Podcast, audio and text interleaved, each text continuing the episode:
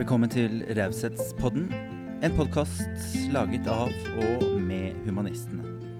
Mitt navn er Tore Petterson, og vil du vite mer om humanistene, kan du gå inn på humanistene.no.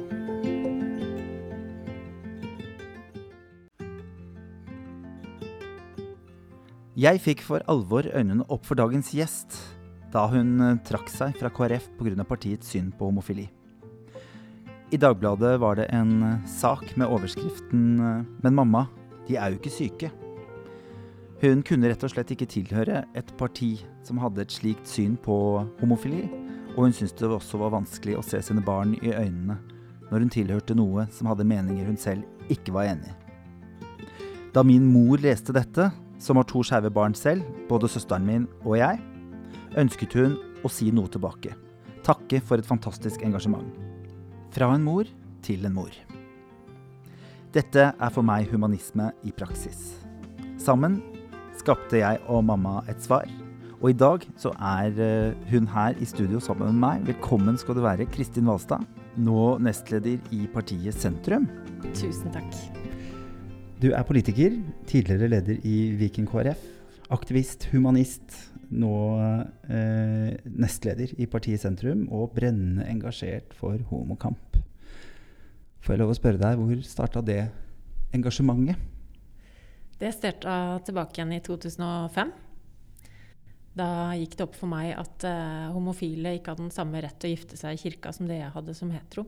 Um, og da ble jeg faktisk utfordra til å sitte i menighetsråd i Holmen i Asker.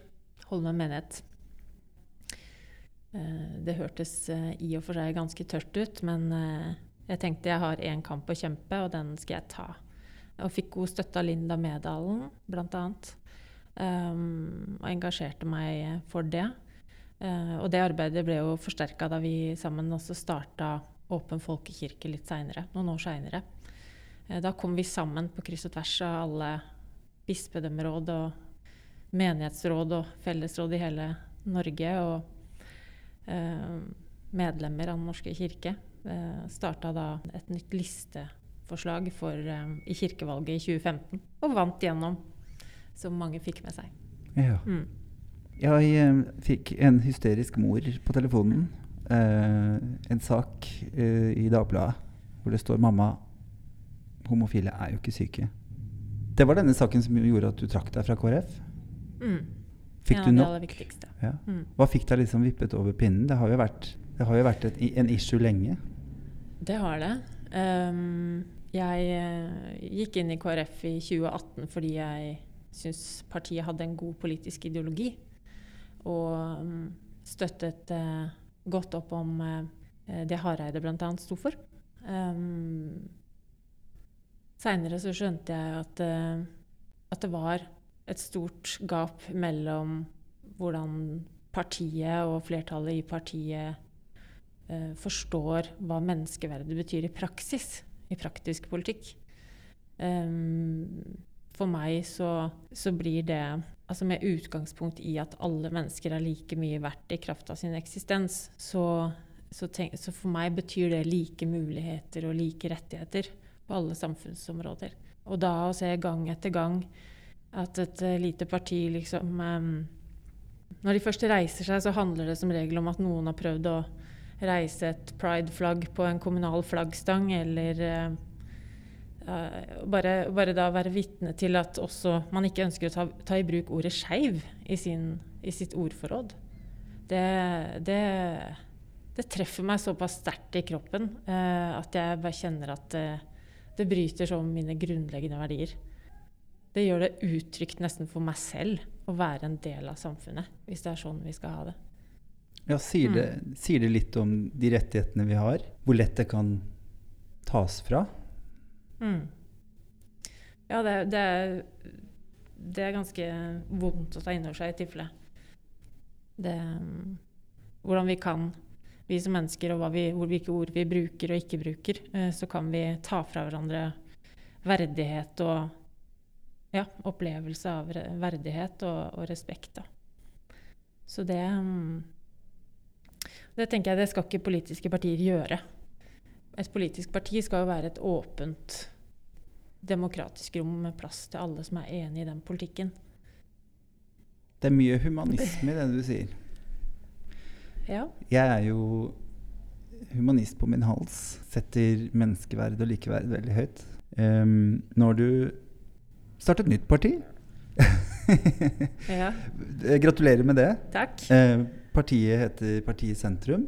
Mm. Eh, hvordan, hvordan, på en måte For det, det, er mange som, etter hva jeg har forstått, har blitt med, blitt med inn, i, inn, i, sentrum med, fra KrF. Fikk dere liksom gjort et ordentlig standpunkt?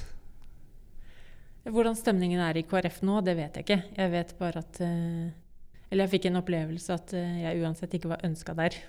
Så da, da, da passa det fint at jeg også takket for meg. Men vi starta partiet Sentrum fordi vi ønsket å bygge politikken vår på menneskerettighetene. Som igjen har et uh, humanistisk utgangspunkt, verdimessig. Med, med at alle mennesker er like mye verdt uavhengig av bakgrunn og egenskaper. Ja. Mm. For du har sagt i et intervju at humanismen er i ferd med å forsvinne. Eller at du er redd for, kanskje? Jeg tenker at humanistiske verdier er eh, trua. Eh, jeg tenker at det er mange av oss som savner mer menneskelighet i vårt samfunn når vi ser hvordan f.eks.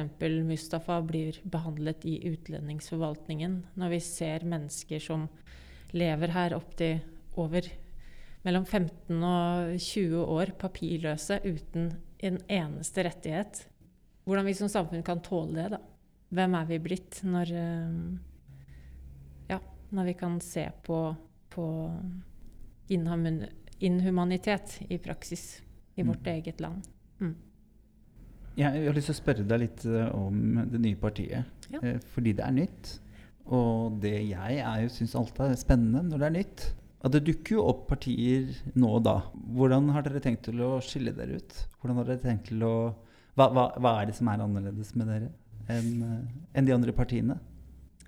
Det som er annerledes med oss, er jo at vi ikke har noen bindinger eh, til gamle særinteresser. Vi er ikke bøndenes parti, vi er ikke eiernes parti, vi er ikke arbeidernes parti. Vi er et helt nytt parti som har sagt at vi setter mennesker og bærekraft først. Så vi har bygget opp hele partiprogrammet vårt på FNs bærekraftsmål.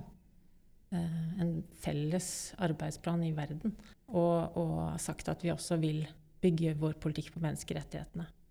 Så vi har um, det som utgangspunkt og ikke at vi skal ivareta noen gamle særinteresser. Så vi mener at vi tar tak i de nye utfordringene, de store, nye utfordringene i en ny tid, og bruker da et felles internasjonalt rammeverk for å gjøre de prioriteringene.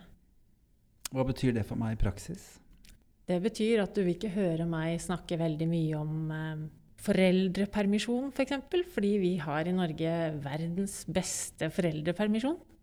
Um, med lønn og um, sikre inntekter. Um, du vil høre meg snakke mer om de av oss som i ulike perioder av livet går på veldig usikre inntekter i velferdsforvaltningen, f.eks. i Nav. Eller mm. du vil høre meg snakke mer om de unge som både sliter med psykiske helseutfordringer og ikke klarer å, å leve opp til kravene på skolen.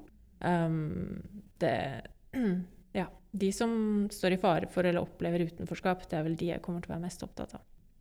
Er det liksom brannsaken din om dagen? Er det det, du, som, er det det du eh, brenner mest for akkurat nå? Eller hva er det som du ja, brenner mest for akkurat nå? Jeg øh, er veldig opptatt av at vi både må tenke på økonomisk bærekraft og klima- og miljømessig bærekraft sammen med sosial bærekraft for at vi skal klare å uh, ruste samfunnet vårt for framtida. Um, så jeg er opptatt av at vi står i en klimakrise, og at vi er nødt til å få fart på den grønne omstillingen. At ikke vi kan fortsette å lete etter olje òg, men at vi heller må fokusere nå på hvordan vi kan skape de nye grønne arbeidsplassene. Um, så jeg, har jeg nok hjertet mitt i den sosiale bærekraften. Det er litt av min bakgrunn. Jeg har jobbet mye innenfor sosialt arbeid og frivillighet og eh, kirke og trossamfunn. Så jeg har, um, har nok eh, mest erfaring og, og eh, hjertet mitt godt plassert i den sosiale delen av en bærekraftig utvikling, da. Mm. Mm. Menneskene. Vi har stått midt i en pandemi. Mm. Hvis du hadde sittet, og, sittet på styr og stell, hva ville du gjort annerledes? Jeg syns det var ganske opplagt at barn og unge kom til å få det krevende. Uh, og da ville jeg nok satt inn forebyggende tiltak med en gang. Fordi det skal uh, Det var noe egentlig alle visste. At det, det, vil, det ville være ekstremt krevende å være ungdom og, og barn og, og, ikke kunne ha, gå på skolen, kanskje, i perioder, men, men at man blir tatt ut av sin livsrytme, tatt ut av sitt, alt som holder en oppe. Og derfor så ville nok jeg ha Det er en av de tingene jeg helt klart ville gjort annerledes. Det hadde vært å satt inn gode tiltak som nå har kommet fint fram i, i evalueringen etterpå, som Peder Kjøs var eh, veldig, veldig god til å få fram um, med sin faglighet. Og, og, men det kunne vi ha gjort for lenge siden. Ja, for lo, jeg opplevde at det lå litt i kortene at det skulle være et tilbud for, for alle. Syns du det ble gjort nok? Jeg syns at regjeringa er flink til å få fram at de har brukt mange millioner på barn og unge eller på eldre eller på de som strever. Men uh, når du ser nærmere på det, så går det liksom milliarder til bompengekutt, eller det går milliarder til næringslivet. Um, jeg syns kanskje ikke regjeringa har forstått godt nok uh, hvilken kapital som ligger i mennesker. da, Og hvilken kapital som går tapt når når mennesker blir satt i en situasjon hvor de blir utarma, hvor de blir syke og slitne. Altså, jeg tenker at også eh, det digitale utenforskapet, som mange minoritetskvinner og eldre har kjent på før pandemien, f.eks., det har jo ikke vært noe lettere nå. Masse informasjon man ikke har fått med seg, masse ting man ikke har klart å fylle ut av skjemaer. Men det er klart det har vært masse å tenke på. Så det er lett å sitte på utsida og være klok, men eh, jeg syns også landets ledere har gjort en fantastisk jobb i å, å, lede landet vårt gjennom denne pandemien. Men det har, eh, det har vært tøft for mange. Mange har opplevd fattigdom. Mange har opplevd å bli veldig veldig ensomme. Hvordan har din pandemi uh, utartet seg? Jeg tenker det Kanskje det lureste man gjør, er vel å starte et nytt parti? Ja. da har du vel nok å henge fingeren kanskje? Fortrenger man alt det vanskelige. Ja, det har vært veldig mye jobb med det, selvfølgelig. Og det har jo vært en avledning i det. Og det er jo et triks eh, for å ta vare på sin psykiske helse, jeg har lært. At eh, avledning, det er bra. kan være bra. Men eh, med meg, som sikkert mange andre, så har jeg jo kjent på at jeg liksom har blitt at jeg har mista og blitt fratatt eh, mange av de tingene som holder meg oppe. da. Venner og eh, menneskelig kontakt. Jeg har jo Ja, jeg har hatt uh, noen dager som kommer innimellom hvor man bare kjenner at uh, nei, nå er det helt flatt, liksom. Og nå er jeg helt tiltaksløs. Og så liksom over i det der hvor du begynner med alle de der ting du vet du ikke burde gjøre, og du klarer ikke engang å få trent eller bevega deg eller noen ting. Du bare ja, gjør alle de gærne tinga. Fordi man blir liksom Ja, du mister, du mister krafta av å bli så isolert. Mm. Ja. Hvorfor trenger vi, hvorfor trenger vi humanisme? Nei, altså jeg tenker jo at det, verdier er jo hele Altså vi er, vi er så avhengig av å ha eh, en god grunnmur av verdier i samfunnet vårt. Eh, jeg har nettopp sittet og skrevet på en tale til vitnemålsutdeling på Torstad ungdomsskole og blitt minna om den flotte formålsparagrafen vi har i skolen. Med med de kristne og humanistiske verdiene, som, også, som, også, er verdier som man finner igjen i andre religioner og livssyn. Um, liksom respekten for mennesket og naturen og åndsfrihet og tilgivelse. Og ja Det, det gir et veldig uh, solidaritet. Det er, uh, det er verdier som uh, Og nestekjærlighet. Det er verdier som vi Ja, som er Det er rett og slett grunnmuren vi står på, tenker jeg. Både i eh, oss mennesker imellom, eh, men også som samfunn. Og det er veldig viktig at vi som samfunn klarer å hele tiden sette alle barn og unge i stand til å få et forhold til disse verdiene. At ikke de bare står der, men at det er noe som man aktivt blir utfordret på og jobbe med på ulike måter opp gjennom skoleløpet f.eks. Og i barnehagen for den del. Um, Hvordan tenker du at vi kunne løst det? Startet i skole og ungdomsskole, liksom? Hva, hva er det viktig å legge vekt på? Ja. Um, jeg tenker jo det er viktig at alle barn får en opplevelse at de er, har verdi, da. Og, og, da tror jeg at vi som samfunn er litt utfordra på det med respekten for forskjellighet og mangfold. Jeg tror vi som samfunn har kjørt oss litt opp i et hjørne med veldig mange Eller vi har tatt vare på, kanskje, mange normer og ikke vært så kritiske til hva de gjør med oss, da. Og vi rydder jo stadig i det skapet, men vi har fortsatt en jobb å gjøre tenker jeg, med å sette alle barn og unge i stand til å bli klar over hvilke normer som eksisterer, til hva de skal leve opp til. Er det en bra norm, eller er det en ikke så bra norm? Sånn, som jente så har jeg liksom i alle år liksom hatt lyst til å være noe helt annerledes enn den jeg er. ikke sant? Utseendemessig og kroppen. og Akkurat liksom det motsatte av hva jeg faktisk er. Mm. Skulle gjerne hatt krøllete, mørkt hår. Skulle gjerne vært eh, fire størrelser mindre. Og ja, ikke over 1,80. Men, eh, men, den eh, men, det å, men akkurat det med liksom å bli kritisk til Eller bli klar over da, den normen som eksisterer i samfunnet i forhold til kropp og utseende, da, så blir det jo Det hjelper. Fordi med en gang jeg liksom føler at nei, nå må jeg ut og shoppe alle kjolene i hele byen, sånn at jeg kan føle meg vel. Eh, eller skal jeg bare slå meg til ro med at nei, vet du, søren, det er som det er. Og, og ja. Jeg, nå, er det liksom, nå er det den greia som slår til igjen. Liksom, at jeg føler at jeg må se ut akkurat sånn som de på ja, Altså et eller annet. Som jeg har fått inn, fått inn fra sida. Mm, ja. mm. Den heter jo Raushetspodden, den her. Um, og jeg har lyst til å snakke litt om, om raushet. Uh, det er liksom slagordet uh, i, i humanistene. Er å smitte folk med raushet. Oi, så bra. Ja. Jeg tenker liksom hva, uh, Jeg lurer på hva, hva, hva er raushet for deg? Um, altså, raushet er jo, syns jeg, et uttrykk for kjærlighet. Mm. Uh, og der, sånn sett, da blir det jo egentlig en opplevelse da, som skal erfares. Um, og jeg har gått og tenkt litt på det ordet siden du inviterte meg. Det er et utrolig fin, fint ord å bare ha i bakhodet. Um, det er uh, altså Jeg har bare tenkt at det viktigste for meg uh, er å kjenne at liksom det er rom for meg uh, når jeg kommer et sted. når jeg kommer til en by eller jeg kommer til på besøk her til deg, eller eh, hvor jeg enn kommer, så, så syns jeg det er godt å kjenne at her er det rom for meg. Her kan jeg liksom snakke om ting sånn som de er, og være den jeg er.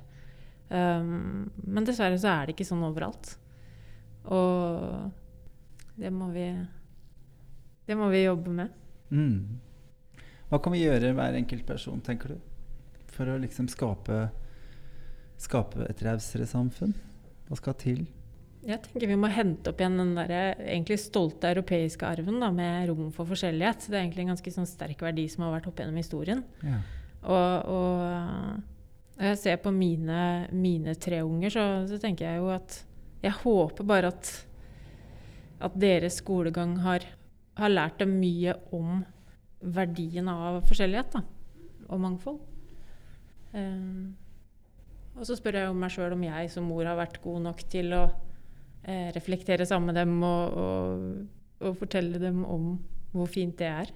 Eh, det er jo det alle mødre selvfølgelig ønsker, at barna skal oppleve at de er helt unike og kjempeflotte eh, som de er, og verdifulle. Um, så jeg tenker jo Raushet er jo noe alle fortjener. Og igjen tilbake til liksom utgangspunktet at alle mennesker jo er nettopp like mye verdt. Det gjør at også alle mennesker fortjener raushet. Fortjener den, det uttrykket for kjærlighet, da. Og det Det, vi må hele veien også jobbe med språket vårt, og det er kanskje ikke en stor politisk sak, men jeg er veldig glad for at jeg i sin tid eh, møtte Skeiv Ungdom, som lærte meg at, at det har noe å si hvordan jeg formulerer meg. Ja. Eh, for vi snakker jo ofte om de og også dem og sånn. Um, og så skjønte jeg bare at, at jeg ekskluderte da når jeg prøvde å si ting. Ja, Du opplevde det selv? Ja, de gjorde meg bevisst på at jeg faktisk hadde et, eh, ja, et ekskluderende språk. Da. Og det har jeg bare tenkt at det blir jeg aldri ferdig med. Jeg kommer hele veien til å bli Måtte eh, la meg sjøl utfordre av hvordan jeg stenger noen ute med språket mitt.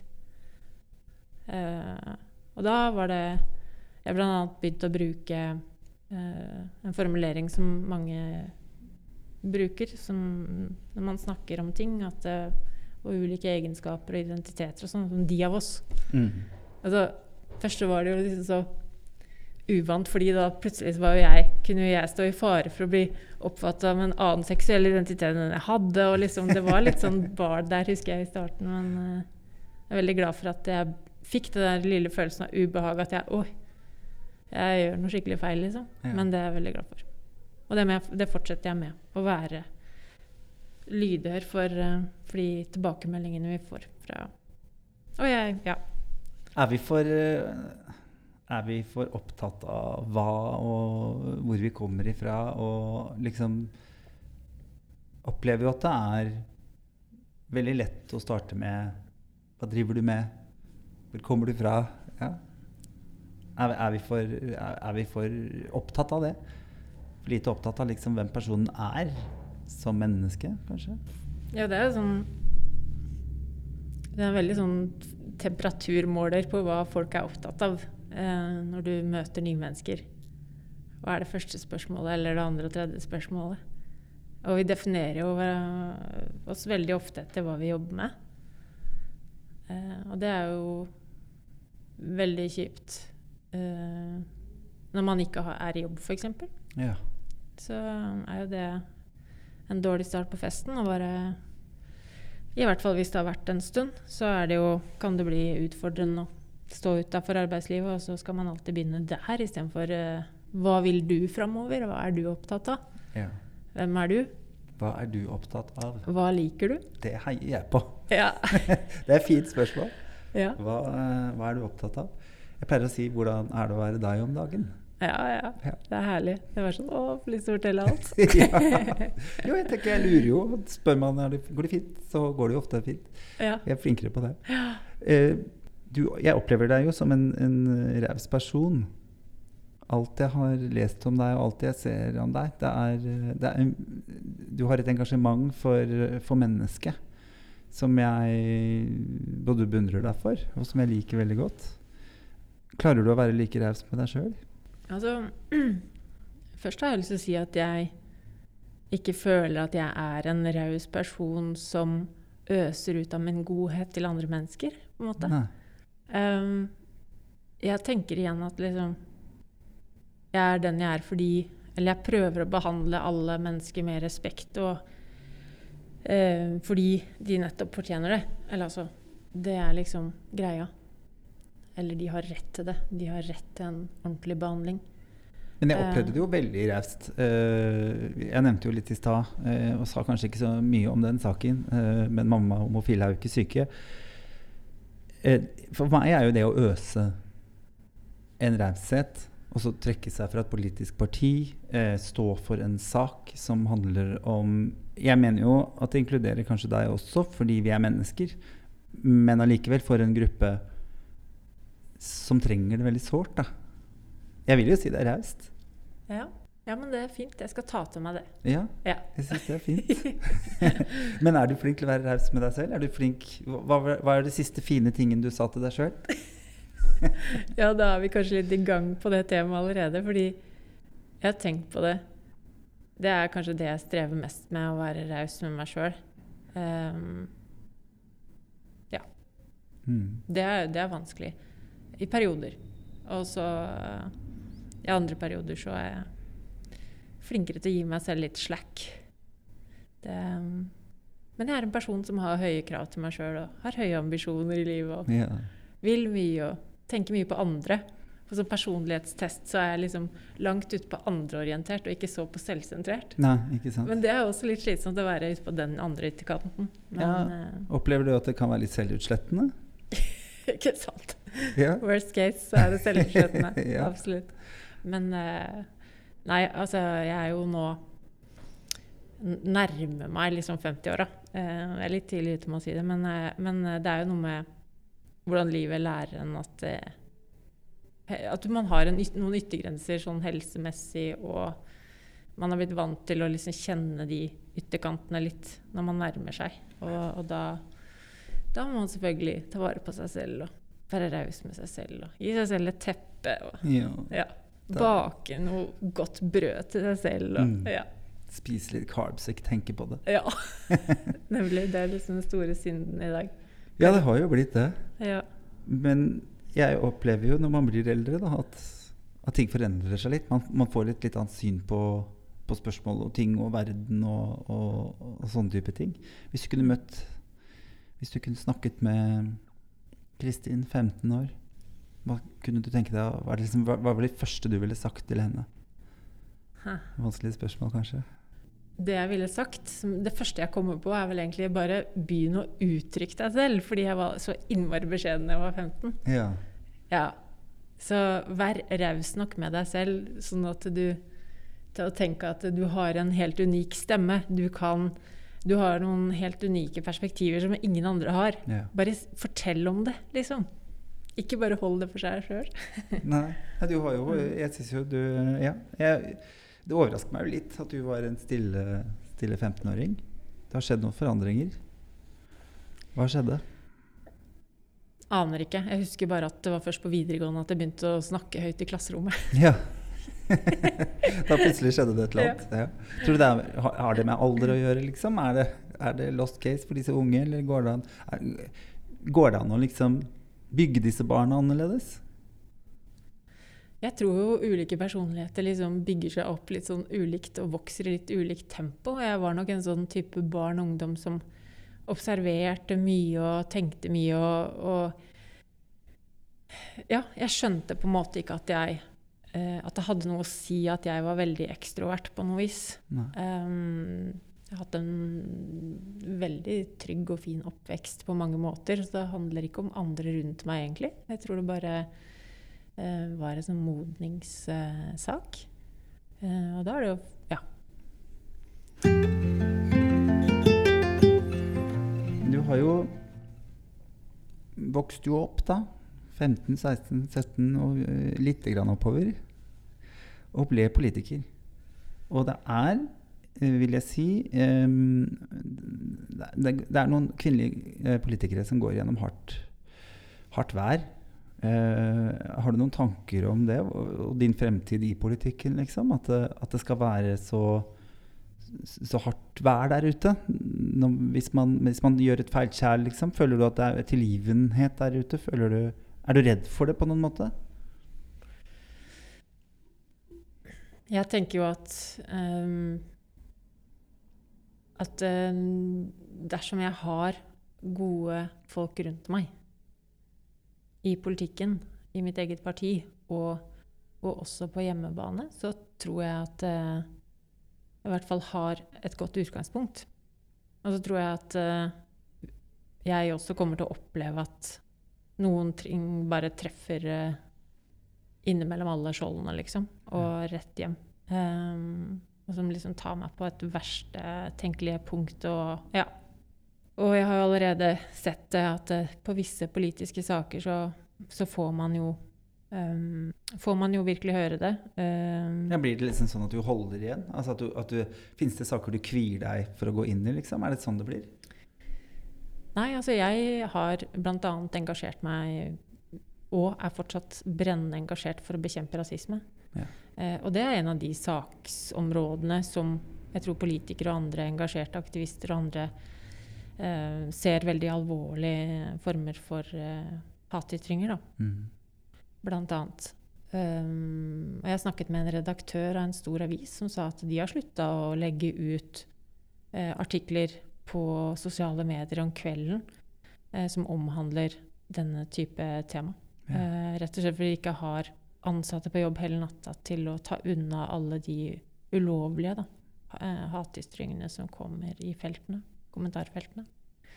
Men der eh, Jeg har ikke begynt å, å justere på en måte atferden min etter hva jeg får mer eller mindre hat eh, for, da. Ja, for det er vel viktig Det har jo vært en diskusjon på at det er liksom de som blir igjen som politikere til slutt, som, som tåler, tåler en støyt. da. At det, også, det blir jo litt feil, det òg, kanskje? Ja, for det er jo det at som politiker er du jo folkevalgt, og hvis du slutter å lytte til folk og virkelig ta det inn, hva du hører, um, så, så har du jo tapt. Men jeg tror det handler veldig mye om en slags sånn teknikk, da. Um, at du, når du møter i et trygt rom og møter mennesker face to face og eh, lyt, for å lytte ut deres virkelighet og deres beskrivelser og sånne ting, så, så kan man jo åpne seg og senke garden. Men jeg, det er andre områder, og særlig på sosiale medier, at man må bare heve garden og kanskje ikke lese.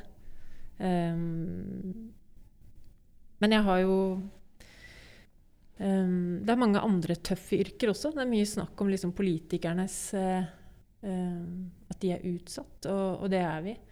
Um, men mange står i tøffe frontlinjer i forskjellige yrker. Og det, det, er en del av veldig mange jobber, egentlig. Å måtte deale med risiko for både vold og, og hatkriminalitet. Mm. Har du gjort deg noen tanker på hvor det kommer ifra? Alt dette sinnet, alt dette hatet? Altså, I vårt eh, politiske program da, i, i, partiet Sentrum så har vi jo behandla utenforskap ganske grundig. Og vi har jo med oss fagfolk og forskere som, som kan dette, deler av dette feltet veldig godt. Og vi baserer oss på at uh, den kunnskapen egentlig som vi har i dag, det er at uh, det er en vedvarende opplevelse av utenforskap som um, kan bidra til utvikling av radikalisering og ekstremisme. Så, så, derfor så har vi um, en så omfattende um, politikk for psykisk helse og oppvekst uh, som vi har. Da. Vi tenker at det, det, er i det forebyggende og i det tidlige livet vi, vi skal legge grunnlaget for at alle kan finne sin plass i samfunnet.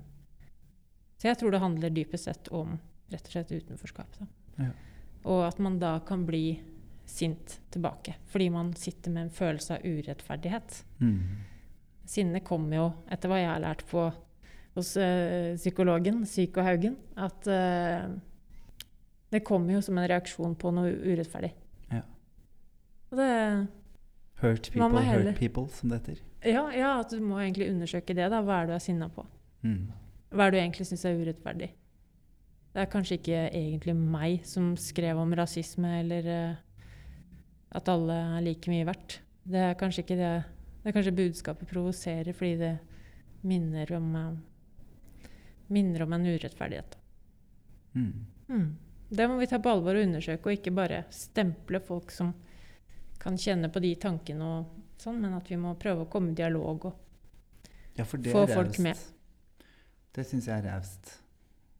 Å møte mennesker med, med, de tankene om at hva, hva, handler det om? Stille mer spørsmål, da. Uh, vi er veldig opptatt av det, at vi skal stille flere spørsmål enn vi har svar. Møte folk med mer undring. Mm. Ja, jeg tror det handler om å gi folk muligheter, da. Ja. Så det, det, er det vi trenger når vi er ja, blitt satt utafor. Mm. Mm. Du, jeg tenkte vi skulle ha en lek. Eh, I Humanistene så har vi en del verdiord. Eh, og de verdiordene det er de vi jobber ut ifra til enhver tid. Um, så det jeg har gjort, er å fikse ordne noen lapper hvor det står disse verdiordene på. Så tenkte jeg det kunne vært litt sånn spennende å bare trekke et ord. Så vil jeg gjerne at du skal uh, tenke litt og, og, drodle litt rundt det, det, ordet. Så den skåla står der. Ja. Nesten untouched by human hands. Nå må jo alt være så reint og nedsprita. Papir er ikke nedsprita, men jeg var det. Det går fint. Får jeg lov å åpne, eller? Du får lov å åpne. Respekt fikk jeg. Respekt fikk du. Ja. Fint. Hva er det første som popper inn i hodet ditt når du leser ordet respekt? Det er faktisk Det høres veldig nerdete ut, men det er rett og slett respektare. Ja. Det, er, eh, det betyr se om igjen. Ja, Ja. fint. Og det, det Det tror jeg egentlig lærte for første gang eh, da jeg jobba i Bymisjonen i Oslo. Og møtte masse forskjellige folk. Og møtte meg sjøl. Eh, at eh, ingen er bare det du ser. Nei. Alle er mer enn det du ser. Det er så mye mer enn det vi tror ved første øyekast. Og det vi må se det når vi ser på folk. Vi må i hvert fall ha det som et mål, at vi skal være åpen for å se, se mer bak, da, Mm. tenker jeg. Samtidig så er det liksom respekt, ikke sant. Den vanlige bruken når vi snakker om respekt, så handler det om liksom å ta folk på alvor. Ha respekt for institusjoner, ha respekt for noen verdier. Men for meg så handler det kanskje aller, aller mest om det å se mennesker og se om igjen og se bak, bak fasaden. Mm. Mm. Syns du mange misforstår det ordet litt? Det blir jo brukt en del i settinger. Du skal ha respekt for meg, og du skal ha respekt for faren din og læreren din og Ja. Det kan jo misbrukes også. Mhm. Til å holde folk i sjakk og utøve negativ sosial kontroll og alt det der. Selvfølgelig. Så det, det kan absolutt misbrukes. Mm. Se om igjen. Ja. Det syns jeg var veldig fint. Ja, så bra. Du, helt til slutt så har jeg lyst til å spørre deg om det enkle spørsmålet. Hva er håpet ditt for fremtiden? Det er at alle barn som vokser opp i Norge, skal oppleve og erfare at de eh, er helt unike. At de har en helt spesiell stemme og noen helt Helt, helt unike perspektiver som samfunnet trenger. Og eh, de skal være godt fornøyd med det. Kjenne at de er gode nok, og at de er velkommen i Norge og i samfunnet vårt. Da heier jeg med deg på det. Tusen, Fint. tusen takk, Kristin Balstad, for at du ville komme og ta en liten prat med meg. Håper du syns at det var en fin opplevelse. Og så får jeg jo bare si eh, lykke til med valget. Nå er det jo valg snart, så jeg regner med at dere sitter i skyttergravene, holdt jeg på å si, og gjør dere klare for fight. Tusen, tusen takk for at du kom.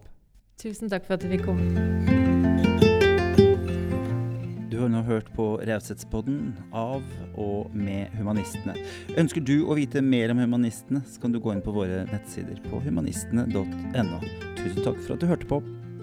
Thank you.